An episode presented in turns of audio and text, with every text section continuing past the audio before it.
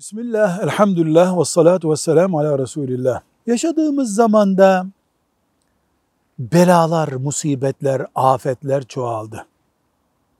Bu afetler, belalar, musibetler dini hayatımızı nasıl etkiliyor? Cevap olarak diyoruz ki, bir, bu belalar, musibetler Allah'ın kaderine ve Allah'a imanımızı güçlendirmesi gerekirken aksine kadere imanımızı zayıflatıyor. Allah'a yaklaştırması gereken noktada Allah'tan uzaklaştırıyor. İbadet olarak, ahlak olarak vesaire.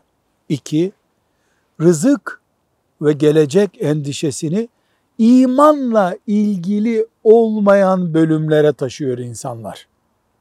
Belalar, musibetler çoğalınca Allah'a tevekkül, rızkın Allah'tan olduğu konusunda tereddütler oluşuyor. Bu bir musibet.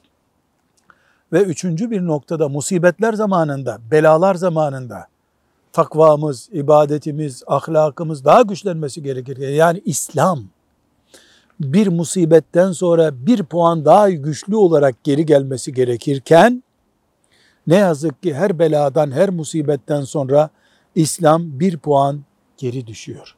Ve son bir nokta Müslümanlar Allah'ın cennetinde gözleri olan insanlar olması gerekirken musibetler, belalardan sonra kafirlerin ellerindeki nimetler ve imkanlara daha fazla özenir oluyorlar.